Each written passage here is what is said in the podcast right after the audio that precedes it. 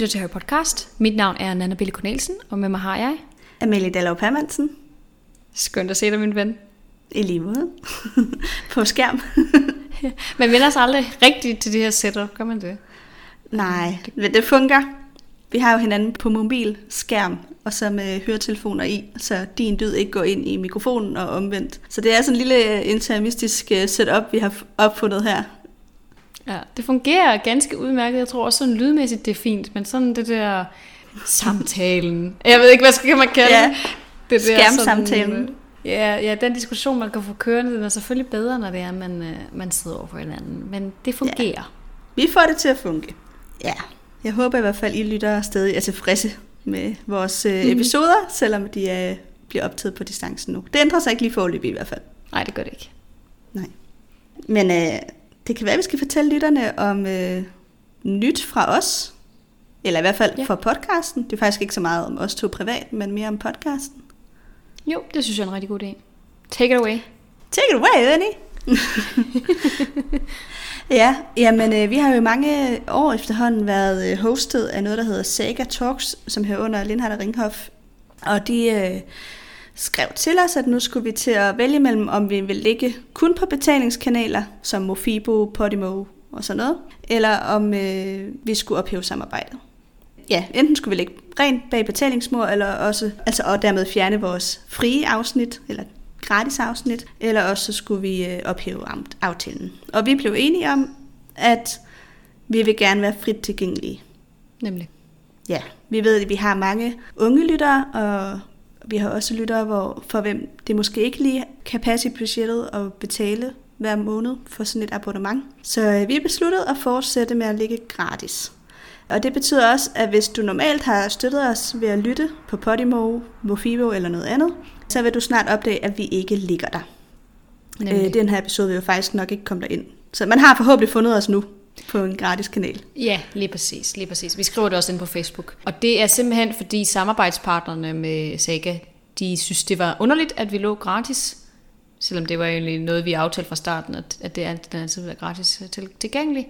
Men øhm, det blev vi ret hurtigt enige om, at det var ikke altså, udgangspunktet eller præmissen for det arbejde, vi laver med podcasten, at det skal være noget, man skal betale for. Mm. Fordi altså, jeg synes, det er vigtigt, at man får penge for det arbejde, man laver, men det er en hobby, og derfor synes jeg også, at den skal ja. ligge frit. Ja, det vi altid har sagt, det er bare, at det skal kunne løbe rundt for os. Altså vi skal ikke have udgifter forbundet med at lave podcasten. Og der er nogle udgifter, det, det tror jeg ikke, det vidste jeg ikke selv, inden jeg begyndte at lave podcast, men det er der. Vi betaler jo for eksempel hvert år for sådan en hosting site, hvorfra vi uploader vores podcast, som så kommer ud på iTunes eller den app, man nu bruger. Lige præcis. Det er ikke gratis at have sin, alle de her lydfiler liggende. Det er en, det er en del af det her en podcast. Så det vil vi jo gerne have dækket. Så øh, lige nu vil vi prøve at se, om vi kan lave nogle aftaler med en betalingssite, hvor vi så fremadrettet både kan ligge gratis og på, bag betalingsmur. Og hvis vi ikke kan det, kan det godt være, at vi på et tidspunkt opretter sådan en, hvad hedder det, Nana, det der tier? Lige eller? præcis. Ja, der er en dansk ja. pendant, som hedder tier, og så er der noget, der hedder Patreon. Og det er sådan nogle forskellige services, hvor fans de kan støtte podcast og YouTube og hvem end det er, man nu lige følger. Jeg ved, for sådan en som Sofie Hagen, så vi begge to fans af, hun har for eksempel en Patreon. Um, hmm. Og så betaler man beløb hver måned. Men jeg tror, vi tænker mere ind i, at hvis folk lige har lyst, ja, kan de give det bliver en, ikke... en lille krone eller sådan noget. Ja, uanset vil det jo aldrig være noget, vi kommer til at sætte krav om. Absolut ikke. Nej, nej, nej. Fordi så havde vi netop været ligge på betalingsservicene. Det her det er bare mere, hvis man synes, det kunne jeg godt tænke mig at støtte op om. Øh, men vi skal nok ja. informere jer yderligere, hvis vi gør det. I skal nok få besked. Ja, vi vil jo egentlig gerne kunne undgå det. Vi håber jo, at vi kan få en aftale med en betalingsservice, så vi kan ligge begge steder. Yes. Og dermed ikke behøver at bede om penge. det vil vi gerne være fri for. lige præcis, lige præcis. Ja, men øh, det var Nå, sådan Jeg føler, lidt, det var en øh, meget forvirrende forklaring, jeg lige fik lavet, men øh, jeg håber, folk forstod, Nej, det er, vi har nej, nej, overvejet. nej. Jeg tror, jeg tror, det giver god mening, og vi har jo også snakket om de her ting tidligere. Vi snakkede også om det dengang, det var, at vi blev en del af Saga, at det var vigtigt for os at lægge gratis. Men det skal også bare være noget, der ikke øh, altså er en stor udgift. Men uanset hvad, det var lidt behind the scenes, og nu skal vi til det, det var vi... totalt behind the scenes, og det var sådan en meget intern samtale, følge. Men øh... lad os gå til det, som vi er for. Harry Præcis.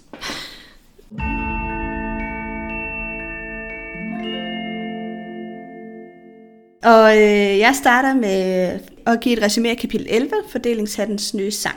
Mm-hmm. Og øh, det kapitel, det starter med, at øh, de kommer ind i storsalen og sætter sig klar til at skulle spise. Fordelingshatten bliver båret frem og synger sin velkomstsang, og øh, den kommer jeg tilbage til.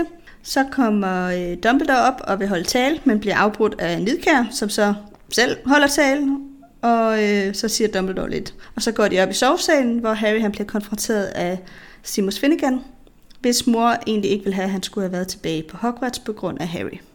Jeg vil sige, at det kapitel, jeg har forberedt, det minder rigtig meget om den scene, der er i filmen. Det er meget en til en faktisk, hvad der foregår. Er øhm, fordelingshandens sang også med i filmen? Nej, okay, den er så ikke med. Men hele det der med Dumbledores tale, og der bliver afbrudt af mm. Nidkær, og den øh, samtale, trioen har i forlængelse af Nidkærs tale, og scenen op på sovesalen og sådan noget. Men det er rigtigt, fordelingshatten sang er ikke med. Det er rigtigt, det er rigtigt. Jeg kan godt tydeligt huske, at hun sidder sådan her. altså hun sidder og rømmer sig, ikke? For ja. at få sådan opmærksomhed over på sig, så hun kan holde sin tale. Det kan jeg godt huske. Det gør hun også i mit kapitel. Men øhm, mit kapitel, kapitel 12, hedder Professor Nidkær. Surprise! Det skal handle om Nidkær. Og det er ligesom første dag tilbage på skolen, tilbage i det her nye skoleår, femte skoleår. Og vi følger sådan set deres mandagstimer. De har historie med professor Benz, så har de elixir med Snape, så de spotter med Trelawney, og så har de så til sidst forsvar mod mørkets kræfter med deres nye lærer. Og Harry og generelt hele klassen bliver meget oprevet i den her første time med professor Nedkær, fordi at det går op for dem, at de skal ikke rigtig undervises i forsvar mod mørkets kræfter.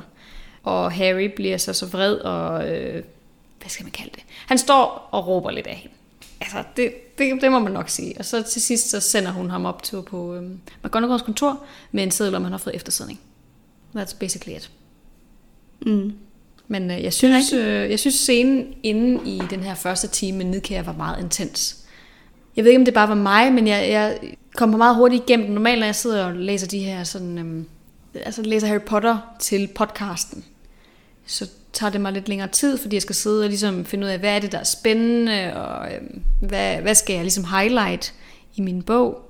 Men her der var det nærmest bare sådan alt, hvad der stod fra de startede lektionen, og så det sådan var slut, hvor der bare var sådan gule streger over det hele. Altså jeg gør det på computeren, mm. så, så det gør ikke noget for min bog, jeg gør det på computeren. Nej. Men jeg synes, det var, det var meget sigende, at alting nærmest var highlightet, fordi det plejer faktisk ikke at være tilfældet. Så, øh, Ja, Jamen det er rigtigt. Jeg, øh, jeg følte også, da jeg læste andet kapitel, altså kapitel 12, at der var mega meget spænding. Ja. Og der var meget sådan, det gik stærkt kapitlet. Det, jeg kan godt forstå, hvad du mener. Der er også meget dialog. Altså ja. så siger en noget, så siger eleverne noget. Og, og det er jo også flere end Harry, der brokker sig faktisk i timen. Ikke? Jo. Der kommer ligesom lidt en sådan fælles opstand i klassen mod hende. Det gør der det. Fordi det dem, de bliver frustreret det er dem alle, der bliver sådan, what the fuck, hvad sker der? Vi er ligesom vant til, at, at undervisningen er på en måde, og så kommer du her og siger, at vi skal ikke altså, have noget praktisk undervisning. De, de er meget oprevet.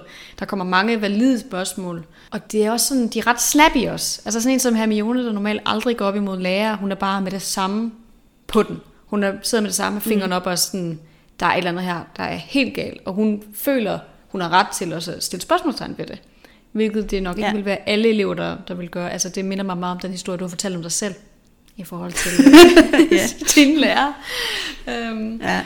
det, det, det, synes jeg, det, var, det gik hurtigt. Ja, det var hurtigt læst på den fede måde. Mm. Um, så hvis man ikke kan huske det, det her kapitel, så vil jeg klart anbefale, at man lige genlæser det, fordi det er en virkelig fed scene. Ja, og meget federe end på film. Altså ja. der er den lidt tam, synes jeg, den scene på film. Ja. Enig. Enig. Good. Men øh, skal vi ikke gå videre til magiske relationer?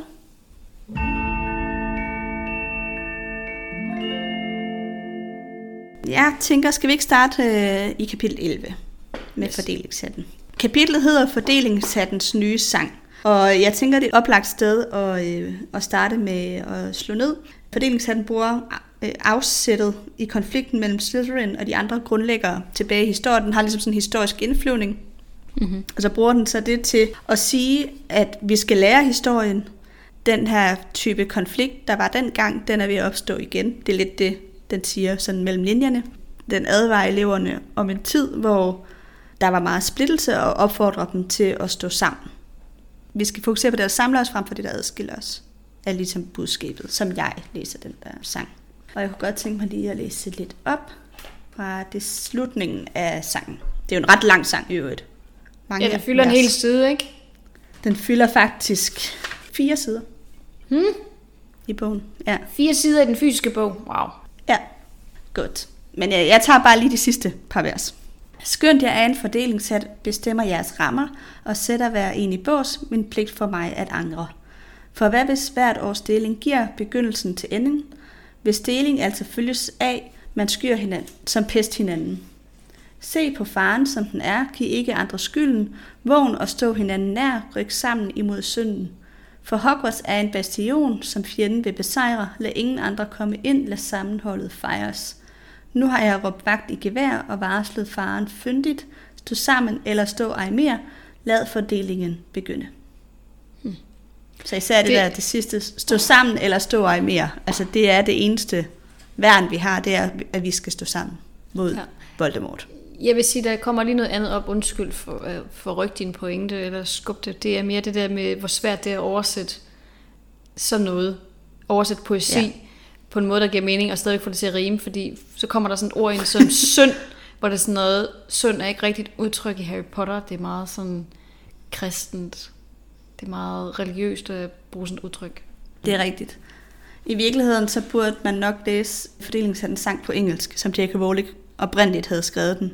Ja, jeg tænker, ja. at der er, noget, der er nogle detaljer og noget, som ikke kan oversættes, fordi det samtidig skal rime. Lige præcis, lige præcis. Altså jeg synes, at, at især du selv fremhævede det sidste vers, var rigtig fint. Men lige det der synd, der var sådan, oh, okay. I don't think that has anything to do with anything, but okay. Ja. Sure. Ryk sammen imod synden.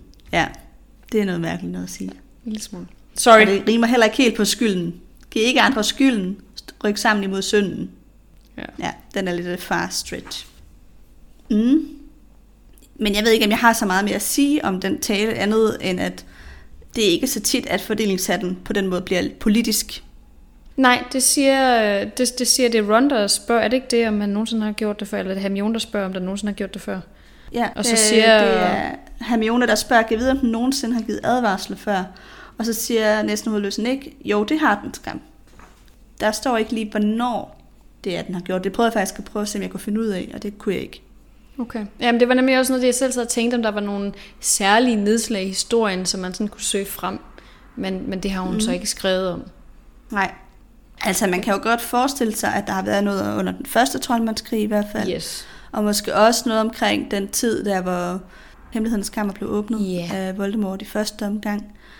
Og der har jo også været konflikter i troldmandssamfundet før det. Selvfølgelig, altså vi... Også har gjort noget. I mit, øh, i mit øh, kapitel, der hører vi jo om de her kæmpe krige. Altså jeg ved godt, kæmperne har jo ikke gået på Hogwarts, før Hagrid går på Hogwarts. Han tror jeg er den første, der har kæmpeblod, der, der får lov til at gå på skolen. Men alle de her mindre krige, der har været krige mod øh, nisser, krige mod kæmper, krige mod alle de her forskellige væsener og internt og sådan noget, har da helt sikkert gjort et eller andet. Altså for troldmandssamfundet, som har gjort, at de har ja, haft noget intern konflikt, også da de vælger ligesom at øh, skærme sig selv af fra moklersamfundet. Der har helt sikkert været nogen, der ikke synes om det, og som så har, du ved, det overfører selvfølgelig til deres børn. Mm. Så der er nok nogle åbenlyse nedslag, vi kan kigge ind i. Også ja. øhm, under Geller Grindelwald og Dumbledores ja, fejde der omkring 2. verdenskrig. Der er nok også noget. Ja, det kunne man godt forestille sig. Mm. Men det, det er selvfølgelig bare gætværk, men det vil... nogle eksempler på, hvornår det har været. At han bare siger, at det har været der.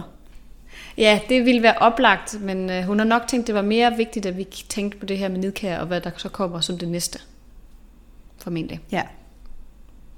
Ja, det er rigtigt. Og Nidkær, hun kommer jo på banen nu, fordi det er jo sådan første gang, andre ud over Harry har jo faktisk mødt hende før, for hun var også med til, til retssagen mod ham. Men de andre elever har jo ikke mødt hende før, de ved ikke, hvem hun er. Men hun afbryder Dumbledore, og øh, alle andre elever, de begynder også ligesom at sidde og kigge væk og pille ved trøjen, og de bliver sådan uopmærksomme på nær Hermione.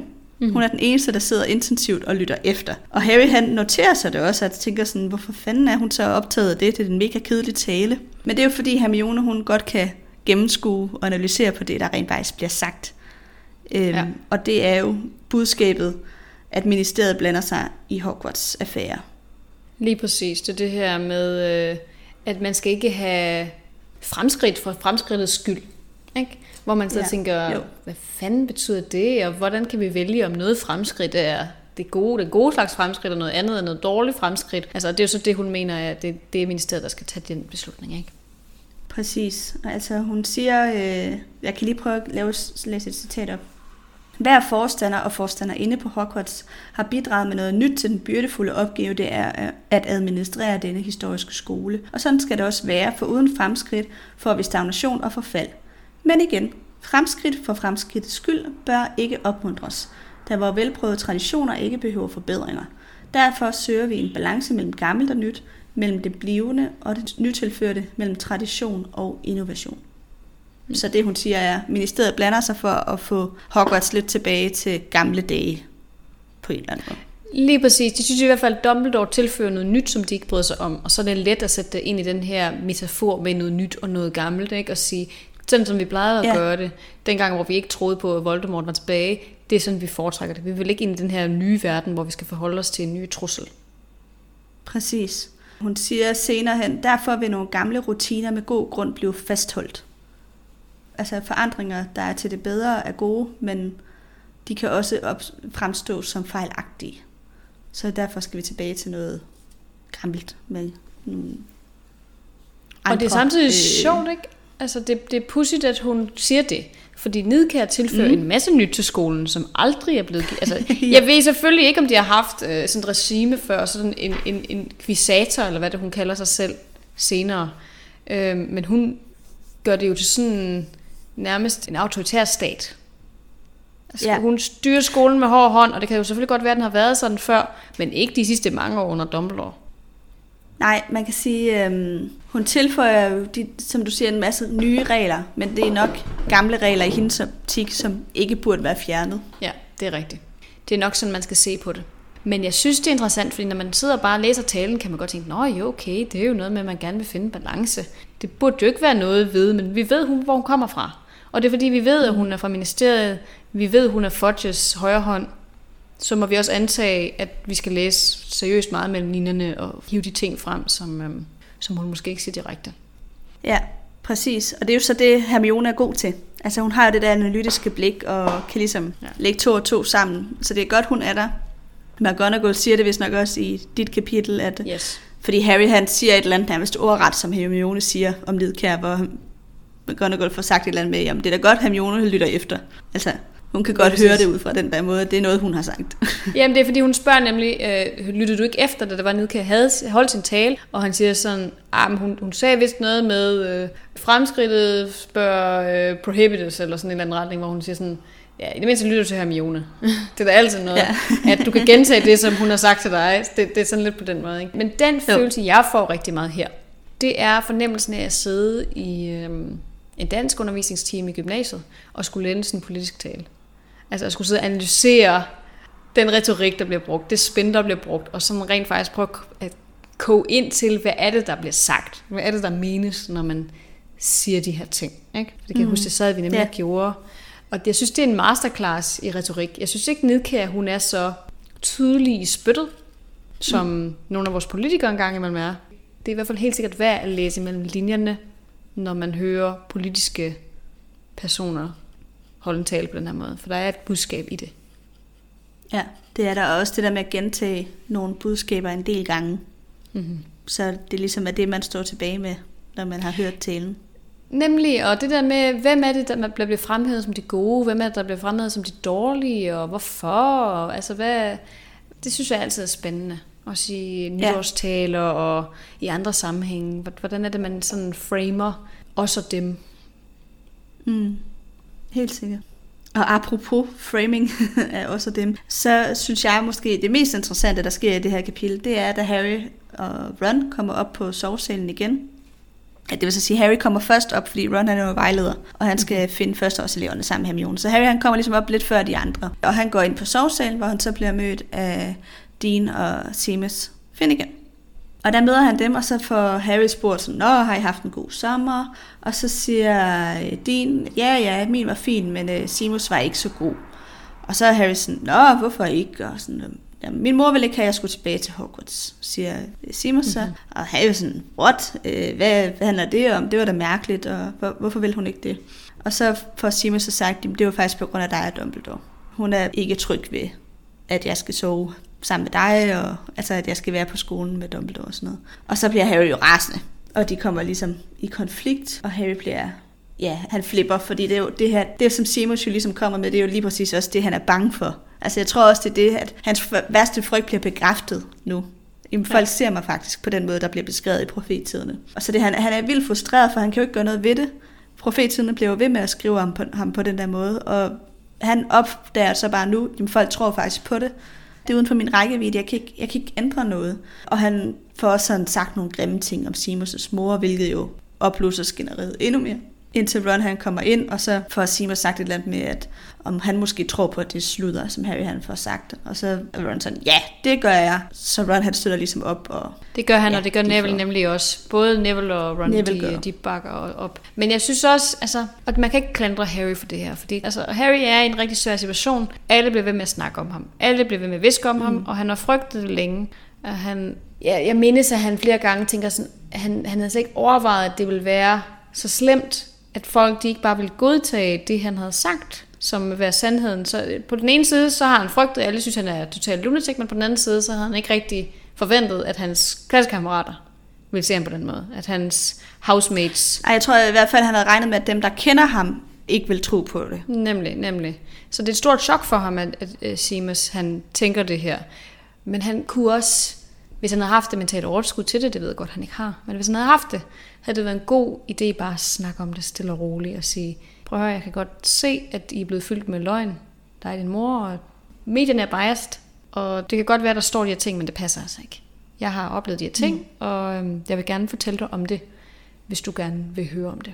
Men det er han ikke i stand til, fordi at han er, er blevet udsat for noget mega traumatiserende selvfølgelig, og så er det endnu mere traumatiserende, at dem omkring en ikke tror på en. Mm. Det er ligesom, hvis man er blevet udsat for en voldtægt, eller et andet form for overgreb, og folk så ikke tror på en. Ja, helt sikkert. Ja, man skal retfærdiggøre, hvorfor Nemlig. at man har fortalt om det, eller om det rent faktisk skete. Eller, ja. Lige præcis, det, lige præcis. Så det er jo nok også sådan en, en stærk følelse af uretfærdighed, der rammer ham. Altså, at nu har jeg gennemgået alt det her forfærdelige, og så tror I ikke på mig. Helt ærligt. Altså. Ja, det bliver ligesom dobblet op, ikke? At man, er sådan, man gennemgår det en gang, og så gennemgår man det igen, når folk så vælger ikke at, at tro på ens historie. Så det er svært for ham at være i det her, og, og sådan kommer det også til at fortsætte i den næste stykke tid, at folk ikke har tilliden til ham. Altså man kan sige, at Simons' mor, hun repræsenterer jo den almene magiker i Troldmandsuniverset, ja. som læser profetiderne, og nu er mistid til Harry Dumbledore. Altså hun er jo en af dem, der er flest af lige nu, kan man sige, i ja. troldmandssamfundet. Så han vil jo stå ind i det igen. Og øh, jeg ved ikke om det... Jeg tror jo også, det er det, der ligger under neden. At han er bange for. Helt sikkert. Ja. Det er voldsomt at blive mødt med sådan noget her. Selvfølgelig er det det for at vide, at folk tror, man er en løgner. Ja. Og især når det er noget så voldsomt, der er sket for en.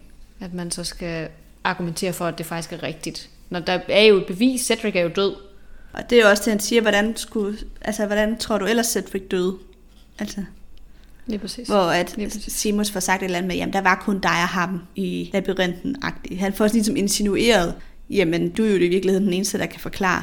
Altså, ja. fordi, Hvor, hvordan skete det så? Er det dig, der har han, gjort noget? Ja, han vil gerne have historien ud af Harry, men Harry han er heller ikke klar til at dele det hele endnu. Han fortæller lidt mere i mit kapitel. Ja. Som jeg fik sagt, så har de jo timer hele dagen. Det er den første skoledag, og de har nogle forfærdeligt kedelige timer, synes de. Det skulle være en rigtig træls mandag, som Ron får sagt. Inden jeg går videre til Dolores team, så vil jeg gerne lige nævne um, professor Bins team. Nu fik jeg sagt, de, yeah. de, de sidder og lærer om de her gigantkrige, og Hermione, hun sidder og følger meget opmærksomt med, som altid, og Harry og Ron, de kan overhovedet ikke altså, holde koncentration på nogen måde på de her ting. De synes, det er så kedeligt. Og jeg tror også, Harry tænker, at det her det vil være sådan moderat spændende, hvis det var en anden lærer. Men det er enormt kedeligt, fordi det er professor Bins. Og jeg kan ikke lade være med at tænke, at der er et eller andet ironisk ved, at Harry og Ron ikke kan koncentrere sig om det her, fordi de selv kommer til at stå i historiebøgerne, og der er nogle andre elever, der skal sidde og læse om dem på et tidspunkt. Ikke? Mm. At de så sidder og læser yeah. om de her voldsomme krige og ting og sager, der er sket, som har været helt vildt forfærdelige. Men alting bliver historie på et tidspunkt, som nogle andre sidder og læser om. Ikke? Så jeg synes, det var, det var, det var sgu meget pudsigt, sådan lige Jamen, det at er tænke over rigtigt. det. Især historie, altså jo længere tid noget historie er, jo mere afkoblet ja. kan man føle, det er fra en selv, ikke? Lige der er det måske lige lidt præcis. mere relaterbar med sådan noget moderne historie. Altså noget om 2. verdenskrig, eller noget om den kolde krig, eller sådan noget. Det tror jeg mange godt kan... Altså, det er ikke så langt fra vores liv.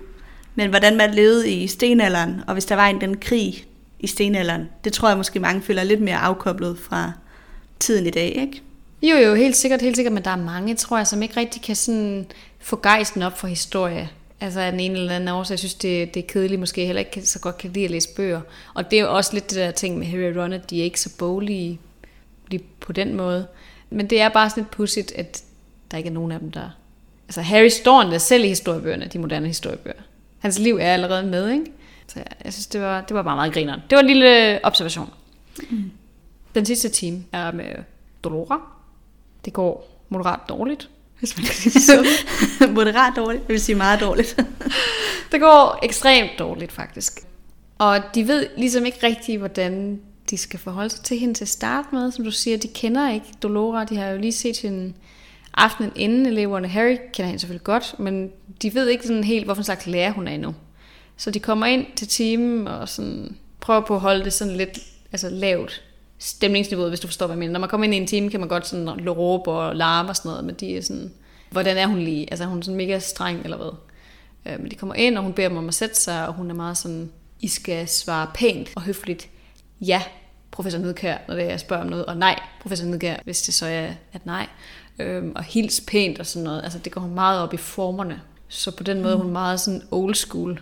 Ja, det er jo lidt sådan lidt den gamle skole stil, ikke? Altså også som vi havde i Danmark i 1800-tallet, ikke? Hvor eleverne skulle rejse sig op fra pulten, når læreren kom ind og sige, goddag, her et eller andet. Og man svarer ja og nej, her et eller andet. Altså, Lige præcis, lige præcis. Og det er sjovt, ikke? Fordi så har vi jo et andet eksempel på sådan den lidt ældre skole, som er sådan McGonagall, hvor hun er jo også streng, men hun beder ikke om sådan noget der. Altså, der er ikke så meget øh, pis med hende. nej, jeg tror, hun er mere indholdsfokuseret, hvor professor kan er mere formfokuseret. Lige præcis. Lige præcis, det er en rigtig god måde at se det på. Men hun starter ligesom timen ud med at vise de her tre grundprincipper, som hun øhm, putter op på tavlen, og som de alle sammen skal bruge 10 minutter på at sidde og nedskrive. Meget specielt valg. At det, men det skal de, ligesom for at indprinte det i deres hjerner, tror jeg. At det her, det er, det er vigtigt. Det er den der sådan typiske terpestil, at du lærer noget ved at sidde og læse det, eller ved at sidde og skrive det selv mange gange. Og det er jo blevet bevist, at det virker ikke. Man skal selv altså, interagere med det, man lærer, for at man får noget ud af det. Måske fortælle det til andre, eller undervise andre i det. Arbejde med det på en eller anden måde. Men det er ikke hendes stil. Hun beder dem ligesom om at skrive det her ned, og så beder hun dem om at læse første kapitel i den her røvsyge bog, som hun har fundet til dem. Og de her grundprincipper... Det er sådan en teoriprog om øh, forsvar mod mørkets kræfter, hun har Lige præcis. fundet. Ja. Lige præcis. Jeg tror første kapitel, det hedder sådan noget basis forsvar mod mørkets kræfter for begynder-agtigt. Det er sådan et eller andet virkelig grundstensmæssigt, fordi hun antager, at de ikke kan noget som helst. Det er jo også nærmest det, hun siger, da hun kommer ind. I har jo haft mega sådan sporadisk undervisning, og der er ikke noget af det, der har været sådan ministerie godkendt, så jeg antager, at I ikke rigtig ved noget. Altså det er sådan hendes udgangspunkt. Ja. Og grundpillerne i hendes undervisning er, at de skal få en forståelse for de her forsvar mod mørkets kræfter-principper, at de skal lære at spotte situationer, hvor defensiv magi kan bruges lovligt. Det følte jeg var sådan en lille stab til Harry. ja, det følte jeg også. Øh, og så skal de lære at placere den defensive magi i en praktisk kontekst. Og den sidste der tænkte jeg, okay, det kunne man jo godt, altså hvis man ville forstå som, at de skal bruge det praktisk. Men det læser Hermione det ikke som. Og det er så heller ikke det, professor Nedkær mener. Men, men ville du ikke også selv tænke, hvis du så det, at der kunne man måske godt få en eller anden idé om, at man skulle lære os at bruge det praktisk? Jo, det tænker jeg også, men øh, professor Nedkær, hun re- re- mener, at man så kan bruge det i praksis til eksamen. Man lærer teorien for så at kunne bruge det til eksamen. Lige præcis. Det er nok det, der menes. Ja. Men jeg var nemlig sådan lidt, okay, altså, det handler jo om fortolkning, ikke? Men basis er, på baggrund af de her grundpiller, de skal ikke øve magi overhovedet. De skal læse om det. That's it. Og Hermione, hun fanger den godt. Fordi hun, som du siger, er rigtig god til at analysere. Hun er god til at ligesom fange de nuancerne i sådan noget retorik her. Så hun sætter sig med hånden op, og venter ligesom på, at professor Nidkær reagerer på hende, og det gør hun ikke. Altså hun sidder bare i sådan 10 minutter, 15 minutter, 20 minutter med hånden op, og til sidst så spørger professor Nedkagen sig så, har du et spørgsmål til teksten eller hvad? Fordi hun har ikke åbnet sin bog, hvilket også er meget atypisk Hermione. Og så siger hun, nej, det har hun ikke. Hun har et spørgsmål til de der grundpiller. Okay, fordi professor Nedkagen synes jo, de var meget altså, klare. Så det forstår hun slet mm. ikke at hun vil have noget spørgsmål til, vel? Altså, der er rigtig mange af sådan nogle virkelig sjove, sådan små snippy kommentarer i det her kapitel. Ja. Hermione er også virkelig bare sådan, altså, hun er bare on a roll. Øhm, virkelig ja. Og hun, hun, hun siger sådan, altså, ud fra hvad hun kan læse sig til, så er der ikke noget praktisk undervisning, og det undrer hende rigtig meget. Og så går det ligesom op for de andre elever, at det er der ikke. Og det, der er jo ikke nogen af dem, der har fanget, hvad det er, der faktisk står derop og de bliver mega forarvet, og Pavati spørger ind til det, Seamus spørger også ind til det, jeg er ret sikker på det. De sådan aflyser hinanden, hvor det er sådan, ej, men betyder det så, at vi ikke skal øve det inden eksamen, og hvad, hvad sker der så, hvis vi møder noget derude? Altså hvis der er nogen udefra, der angriber os, hvor hun er sådan, hvad fanden snakker jeg om? Der er ikke nogen, der angriber jer i mit klasselokale. I skal ikke bruge defensiv magi til noget som helst. Altså, det er jo et klasselokale. Hvem tror jeg, der er ude efter børn? Det er jo fair nok. Det var Harrys stikord. det var nemlig Harrys stikord. Altså, man kan sige, at i en ideal verden ville det jo være rigtigt, men det er så bare ikke virkeligheden, fordi de sidste par øh, lærere, de har haft i Forsvar mod Mørkets Kræfter, har også været nogle crazy bitches, og der er altid en eller anden undercover lærer, som prøver at myrde nogen på den skole, synes jeg. Der er altid nogen, der vil myrde nogen. ja. Så Plus, haft... at, at, hun er jo sådan, der er jo ikke nogen, der vil myrde børn, hvor Harry er sådan, øh, hvad med Voldemort? Hvad med, altså, jeg var lige ved at blive myrdet for to måneder siden i en kirkegård, men okay, nej, jeg skal ikke bruge definition magi ja. Og som du siger, øh. er læreren også, da han så kommer tilbage. Altså, så er det jo læreren, der prøver at myrde ham. Det er det, det er hver ja. gang, ikke? Altså, Quirrell har prøvet på at myrde ham, Glitterik Smørhår, prøvede i hvert fald på at ødelægge hans hukommelse. Ja.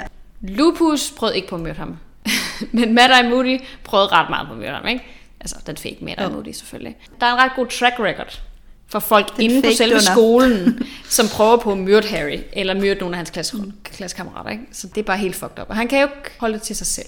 Vi så jo en lille, en lille forsmag på, hvordan han reagerer, når folk de stiller spørgsmålstegn ved ham aftenen inden, og han eksploderer fuldstændig på nedkær, og er sådan, okay, så du siger, at jeg er en løgner, og siger til hende, at Voldemort jo slog Cedric ihjel, og hun, hun er sådan helt, nej, det passer ikke. Alle, der siger, at Voldemort er tilbage, det er løgn. Og det, der skete med Cedric, det var bare en tragisk ulykke. Og da Harry ligesom bliver ved, der sender hun ham så op til professor McGonagall. Det var bare en intens scene, den var bare ret vild. Ja, det var den. Det var virkelig spændende. Og jeg vil også sige, der, der er flere ting, der er interessant. Det er jo også interessant, hvordan professor Nidkær prøver at udøve, udøve magt. Også gennem, både gennem det, hun siger, men også gennem det, hun ikke siger. Altså den der scene, hvor Hermione hun sidder med hånden op, som du forklarede, i mega lang tid, der ignorerer professor Nedkæden jo bevidst. Hun har jo set hende. Altså, hun kan ikke undgå at opdage den der hånd. Så hun, hun bevidst sådan søger hun ligesom blikket andre steder rundt, mm-hmm. indtil at alle i klassen sidder og kigger på Hermione frem for ned i bogen. Lige præcis. Og så kan hun ligesom ikke rigtig bruge den strategi mere, men det er jo en magtstrategi at ignorere den elevs spørgsmål, ikke? 100 procent, 100 procent, og hun gør det på mange små måder. Altså det er også hver gang, der er en elev, der ligesom begynder at snakke uden at have fået lov, så siger hun, du skal række hånden op, og så rækker hånden op, og så går hun videre til den næste person. Altså ja. så tager hun ikke den person, som snakker, men går ligesom videre til den næste person, hun vil ikke øh, anerkende, du ved, hvis man ikke følger hendes regler. Hun er meget sådan, hun følger et regelsæt ind i sit hoved, og hvis folk ikke lever op til det, så straffer hun dem på den ene eller på den anden måde. Men det overrasker mm. mig faktisk ret meget, at hun ikke straffer Hermione for det her. Fordi det er jo sådan set Hermione, der starter hele det her rammeskrig. Hvis hun ikke havde skabt den her øh, altså interesse for de her grundsten i undervisningen, så ville der ikke være nogen, der havde opdaget det. Så det er egentlig interessant, at hun kun vælger at straffe Harry, og det er måske, fordi hun ikke føler, at hun kan straffe Hermione. Fordi hun ikke siger noget decideret inkriminerende, eller hvad man skal kalde det, hvis du ved, hvad jeg mener. Ja, ja, Hermione, hun er jo klog nok i den forstand, at hun stiller jo bare undrende spørgsmål mm. som jo er klædt som kritik. Altså, ja. det, er jo, det er jo spørgsmål, der er forklædt som kritik. Men hun gør det på en måde, der er... Øh, hun kan ikke give hende en eftersidning, fordi alle vil sidde og tænke, men hun har ikke gjort noget forkert, hun har også bare spurgt om noget. Hvor at Harry, han råber jo af hende, og bliver ved med at råbe af hende. Altså, der, han har ikke helt den der... Øh, mulighed for ligesom at styre sit temperament, hvilket man også godt forstår. Men så er det jo også, at man får en anledning til at straffe ham. Ja, det er rigtigt. Han åbner sig selv for straffen på den måde. Altså man kan sige, ved andre lærere, hvis Harry for eksempel havde stillet den slags spørgsmål, som Hermione gør i Snapes team, så havde han jo nok mm. givet ham en eftersidning, uanset hvad. Men Nidkær spiller efter nogle lidt andre regler, må man antage. Det skal alligevel være så tilpas skralt i et eller andet omfang, før der kan komme en eftersidning. Måske. Men øhm, det er rigtigt, hun ja, gør det på mange jeg tror, små altså, måder. Snape havde jo ikke gjort det, hvis det var Malfoy, der havde spurgt. Altså det er jo personrettet, kan man sige, hvem han straffer. Selvfølgelig. Det er helt rigtigt. Nej, nej, det skal komme fra nogle specifikke personer. Det er klart. Det skal komme fra Harry, det skal komme fra Ron, før at der skal en eftersidning til. Men så skal der heller ikke særlig meget til, før de får en eftersidning. Det er rigtigt. Man kan sige, at Lidkær, hun har jo ikke rigtig nogen holdning til eleverne, bortset fra Harry. Altså hun ved jo ikke, hvem Hermione er, for eksempel. Nej, det er rigtigt, men jeg tror, Altså- hun får ret hurtigt antipati mod hende, efter hun har stillet spørgsmålstegn til Ja. hendes undervisning på den der måde. Ja. ja, jeg tror heller ikke, der er nogen tvivl om, at efter den her time, kan hun ikke lide hende. Men igen, for Nidkær handler det her heller ikke om viden. Altså det handler bare om kæft, trit og retning. Det handler om, at ja. eleverne, de skal bare passe ind i den her lille boks, som hun har lavet til dem. Og dem, der passer ind i den og følger det, hun siger, dem kan hun godt lide, og dem, der ikke gør, de skal slås ned. Ja. Simpelthen. Altså hun kan ikke have, det, altså, hun kan ikke have noget sådan dissidens.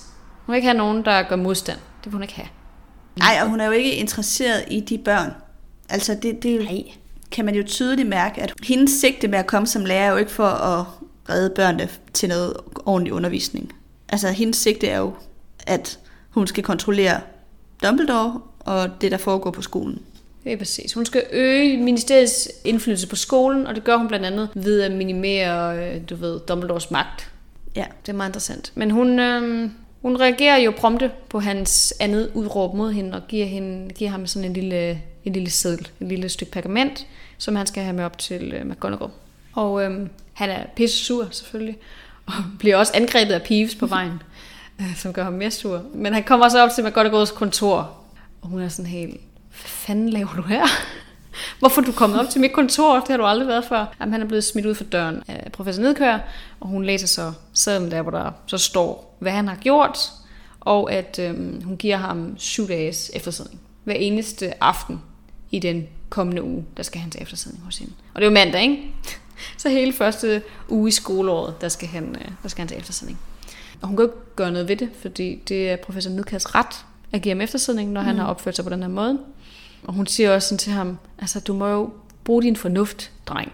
Du ved udmærket godt, hvem det er, professor Nedkær, hun, øh, altså, hvem hun er støtte hos, altså hvem hun bakker op om, det er jo, det er jo Cornelius Fudge. Hun kommer fra ministeriet, så du bliver nødt til ligesom at holde, hvad skal man kalde det, holde hovedet nede. Ja, altså ligesom øh, holde lav profil. Lige præcis, lige præcis. Du skal ligesom holde lav profil og styre dit temperament, lade være med at sige noget, som skaber problemer for dig selv. Fordi det, lige nu handler det ikke om, hvad der er rigtigt og hvad der er forkert. Vi ved godt alle sammen, at Voldemort er tilbage. Du og jeg ved det, dine venner ved det. Men du kan ikke gå ud og overbevise folk om det her lige nu. Det er ikke en mulighed, fordi det er ikke en kamp om sandhed eller sådan løgn. Det er en, det er en kamp om magt, det er en kamp om kontrol. Og professor Nedkær er ikke Ja. interesseret i det her. Hun er interesseret i altså, at få dig ned med nakken, uanset hvad du gør. Så når, når du laver en åbning på den her måde, så bliver du straffet. Ja. Det er i hvert fald Ja, sådan, jeg forstår prøver det. ligesom at forklare ham om, ja, ja, sådan læser jeg det også, og jeg, hun prøver ligesom at forklare ham det der lag, der ligger over det. Harry analyserer, professor Nidkær tror ikke på mig, jeg må stå på min ret til at forklare sandheden. Nemlig. Og det er ligesom det lag, han er på, hvor McGonagall, hun er sådan, det er ikke det, det handler om det her. Nej. Det handler ikke om, hvad der er rigtigt og forkert. Det handler om et overordnet lag, der handler om magt og politik og Lige præcis. Fudges adgang til Hogwarts og kontrol med Dumbledore. Altså, det prøver hun på en eller anden måde ligesom at forklare, om det her det handler ikke om dig. Nemlig. Det er nemlig det, og han forstår det ikke, og det er det, der, der er altid lidt af problemet med Harry. at Han kan ikke se de store linjer. Han kan kun se det, der sker lige omkring ham. Og det er jo også en del af det at være et ungt menneske, i hvert fald for, for nogle unge mennesker, at de, det kan, man kan godt være lidt nærsynet i sådan nogle situationer her. Fordi det er ikke, altså, det er ikke det der day-to-day, der er vigtigt.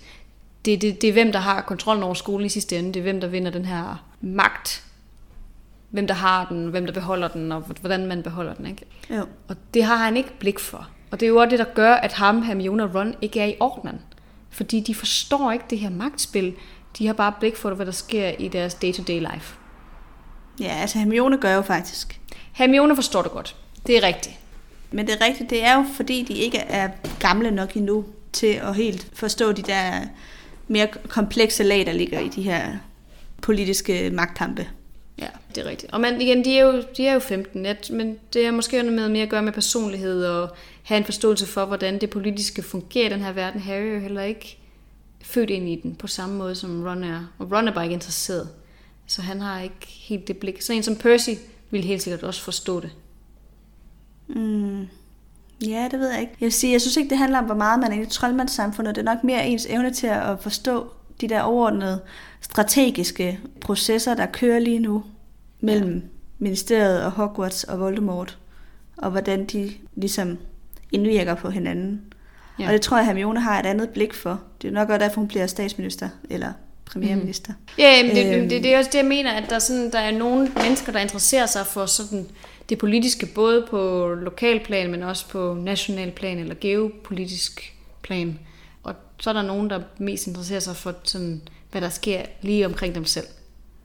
Mm. Og jeg tror, Ron og Harry bliver vækket til det, fordi de er lidt nødt til det, men, men det er ikke altid det, de har blik for. Jeg ved Nej. ikke. Jeg er på vej ud af en tangent. ja, det er mere optaget af, hvad der er rigtigt og forkert, og det er jo også godt. Altså, det er jo mm. dybest set også korrekt. Altså, ja. det er bare, verden er mere kompleks end Harrys opfang lige, præcis. lige nu. Lige præcis. Det minder mig faktisk også om noget, fordi øhm, min partner og jeg er ved at begynde at se Game of Thrones igen.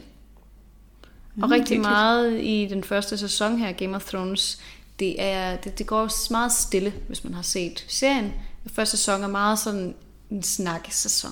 Fordi mm. folk, de, vi skal lære karaktererne at kende, vi skal have en forståelse for, hvordan alliancerne er sat op og sådan noget.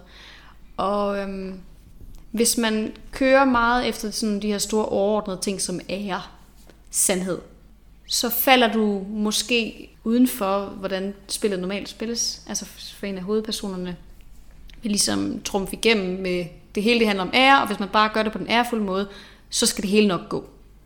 Men sådan fungerer det ikke. Hvis alle de andre spiller mm. efter nogle andre regler, hvis alle de andre de går efter magt, så er det den, der måske går efter det ærefulde, der ender med at tabe sidste ende. Ja. I hvert fald hvis de andre er mere strategisk dygtige, hvilket nogle af dem jo er. Lige præcis, lige præcis. Det er også det, der sker. Men Harry, fordi han tænker, at det er ikke vigtigt med alt det andet, så længe jeg bare har sandheden. Det er jo mig, der har sandheden på min side. Altså, det er måske mm. ikke det, det handler om. Fordi de andre spiller ikke efter de samme regler som dig. Det er rigtigt. Han opfanger ikke, at professor Nidke er faktisk fuldstændig ligeglad med, hvad der er sandheden. Det er ikke det, der mm. handler om for hende. Det er nogle helt andre præmisser, hun spiller efter. Lige præcis, lige præcis. Så ja, Nej, det, det var en god det. Øh, reference der. jeg ved ikke uh, om noget af det, jeg lige har sagt. I hvert fald for dem, der har set Game of Thrones. ja. Jeg ved ikke, om det, jeg har sagt de sidste 15 minutter, det har givet nogen mening. Men uh, whatever. Ja. Uanset hvad, så, så synes jeg i hvert fald, det var et fucking godt kapitel. Og jeg synes, det var mega ikonisk, den sidste del her, hos McGonagall også. Fordi det er bare en mega sjov scene, det der med også at se de to sammen. Og sådan have lært deres lille mini-alliance, og selvom hun ikke kan gøre så meget for ham, så bakker hun ham alligevel op. Og det ja. synes jeg er mega fedt. Til gengæld så ville jeg have ønsket, og det har vi sagt rigtig mange gange i den her podcast, at han havde haft en eller anden lille debrief med hende aftenen inden. Altså hvis hun lige kunne have snakket med ham inden skoleåret startede, og så lige have sagt, by the way Harry, prøv lige ikke at blive ophidset af professor Nedkær. Hun kommer helt sikkert til at prøve sådan at stikke til dig. Prøv ikke at lade dig tige af hende, okay? Det havde været godt. Jeg ved ikke, om det havde hjulpet, men det havde måske været meget fedt. Ja, jeg er ikke sikker på, at det har hjulpet. Harry han er lige nu uden for, altså ud af stand til at øh, kontrollere sin øh, udbrud. Igen, forståeligt nok. Altså jeg tror egentlig godt, man forstår ham. Jo jo. Men øh, han er vred, og han går bare med en vred indeni, der ulmer hele tiden. Han venter bare nærmest på en anledning til at komme ud med den. Han er rasende. Han skiller alle ud. Han skiller Ron og Hermione ud. Alle omkring sig får mm. nærmest en sviner. Altså han kan knap nok styre temperament, der ja. han sammen med McGonagall heller. Altså hisser sig også lidt op over for hende, og sådan, okay, okay, det er måske, ja. det er måske ikke helt på sin plads, så dæmper han sådan lidt smule. Men, øhm, og det er jo også en, en øh, følelse eller en øh, tilstand, jeg tror, vi alle sammen kender. Altså jeg havde sådan en dag, en eller anden dag her for noget tid siden, hvor jeg bare var pisse sur. Og der var ikke, altså jeg kunne ikke rigtig sætte en finger på, hvad det var. Jeg var bare sur på alle. Alle mm. var bare irriterende. Og ja. Altså sådan en dag har vi jo bare nogle gange, alle sammen tænker jeg, hvor man bare bliver pist på folk på cykelsten, på folk i metroen, på folk, der siger et eller andet til en på arbejde, og folk, der skriver til en privat, og nogen, der ringer, og ja, hvor der bare er en eller anden brede, man skal ud med på en eller anden måde. Det ved jeg Helt ikke. Sikkert. Kender du det? Jo, jo, jo, jeg kender det godt, jeg kender det godt. Og det værste er jo, at han faktisk har en rigtig god grund til det. Hans, hans ja, ja. vrede er velbegrundet. Jamen altså, han, han er i sorg, han, er, han, er, han har et traume, han ikke kan få lov til at bearbejde, fordi at der er ikke nogen, der giver ham værktøjerne til det. Der er nogen, der tror på ham. Alting går imod ham, og han skal samtidig gøre, som om alting er fint. Selvfølgelig er han vred. Selvfølgelig mm. er han vred. Man forstår det udmærket godt. Det er totalt urimeligt, at det endnu en gang er ham, det skal gå ud over. Men det kan bare ikke være anderledes. Og dem, som han troede ville støtte op om ham, sådan en som Dumbledore, gør det bare ikke. Og han fatter ikke, hvorfor. Mm. Ej, der føler han sig jo meget alene med den frustration, kan man sige. Ja, og det er vel Noget andet, det er jeg lige vældigt. kom til at tænke på, det er, at det er sjovt, fordi i mit hoved, McGonagall, så er hun en meget stor karakter. Men i virkeligheden fylder hun jo faktisk ikke særlig meget i de her bøger. Det er meget, meget sjældent, at vi har samtaler, hvor hun er med, og hvor hun reelt har en påvirkning på det trio, hun gør. Ja. Forstår du, hvad jeg mener? At hun, hun er måske en karakter, vi alle sammen... Hvis vi skulle nævne 10 karakterer fra Harry Potter, så tror jeg, at mange, der vil nævne McGonagall. Mm-hmm. Men jeg tror ikke, McGonagall er en af de... Altså, jeg, hun er ikke med i top 10 i forhold til, hvem der er mest med i bøgerne. Nej, det tror du er helt ret i. Men det, det tror jeg faktisk også var noget af det, vi snakkede om i starten med Dumbledore. Altså sådan en som Dumbledore fylder også utroligt lidt, selvom han fylder meget i vores hoved. Men det er rigtigt Han nok, fylder meget i vores bevidsthed. McGonagall er mega ikonisk. Også fordi hun bliver spillet af en fantastisk skuespiller, så hun er, altså, hun, hun har også en fed karakter, fordi hun er sådan en, en ældre kvinde med ben i næsen, som dyrer med hård hånd og får det på den måde, som hun vil have det. Ikke? Altså, hun, hun er mega nice, og hun kan sit shit også. Men jeg tror også, det er, fordi hun har nogle virkelig gode one-liners. Mm. Altså for eksempel den der øhm, under øh, Battle of Hogwarts, hvor hun siger sådan, Oh, I always Ja. wanted to use that spell.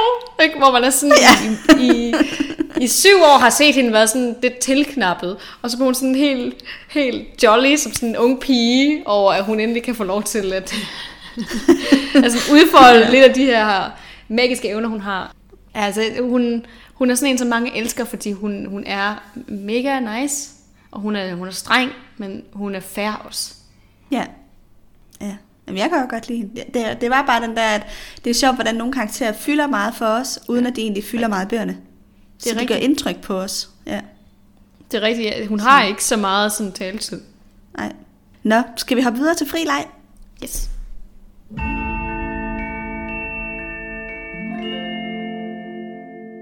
Jeg vil gerne snakke lidt om Dolora. Mm. Det tænkte jeg var meget Det var oplagt. oplagt. ja, lige præcis, lige præcis. Og øhm, lytteren med en god hukommelse kan jo nok godt huske, at vi har talt om Dolora før. Fordi vi havde en gang for nogle år siden haft et live show i Frederikssund, tror jeg, hvis det ikke er helt forkert. Hvor vi snakkede om skurke i Harry Potter. Og der havde jeg nemlig Dolora med, kunne jeg huske. Så vi tager det lige igen. Jeg prøver at gøre det lidt kort, fordi I kan nok godt huske, hvem hun er, men jeg synes alligevel, det, det er fint nok. Og jeg går ikke igennem hele hendes livshistorie. Jeg snakker bare lige om, hvordan øh, hendes liv har udfoldet sig indtil nu. Fordi resten skal vi nok komme til i løbet af bøgerne. Så. Mm.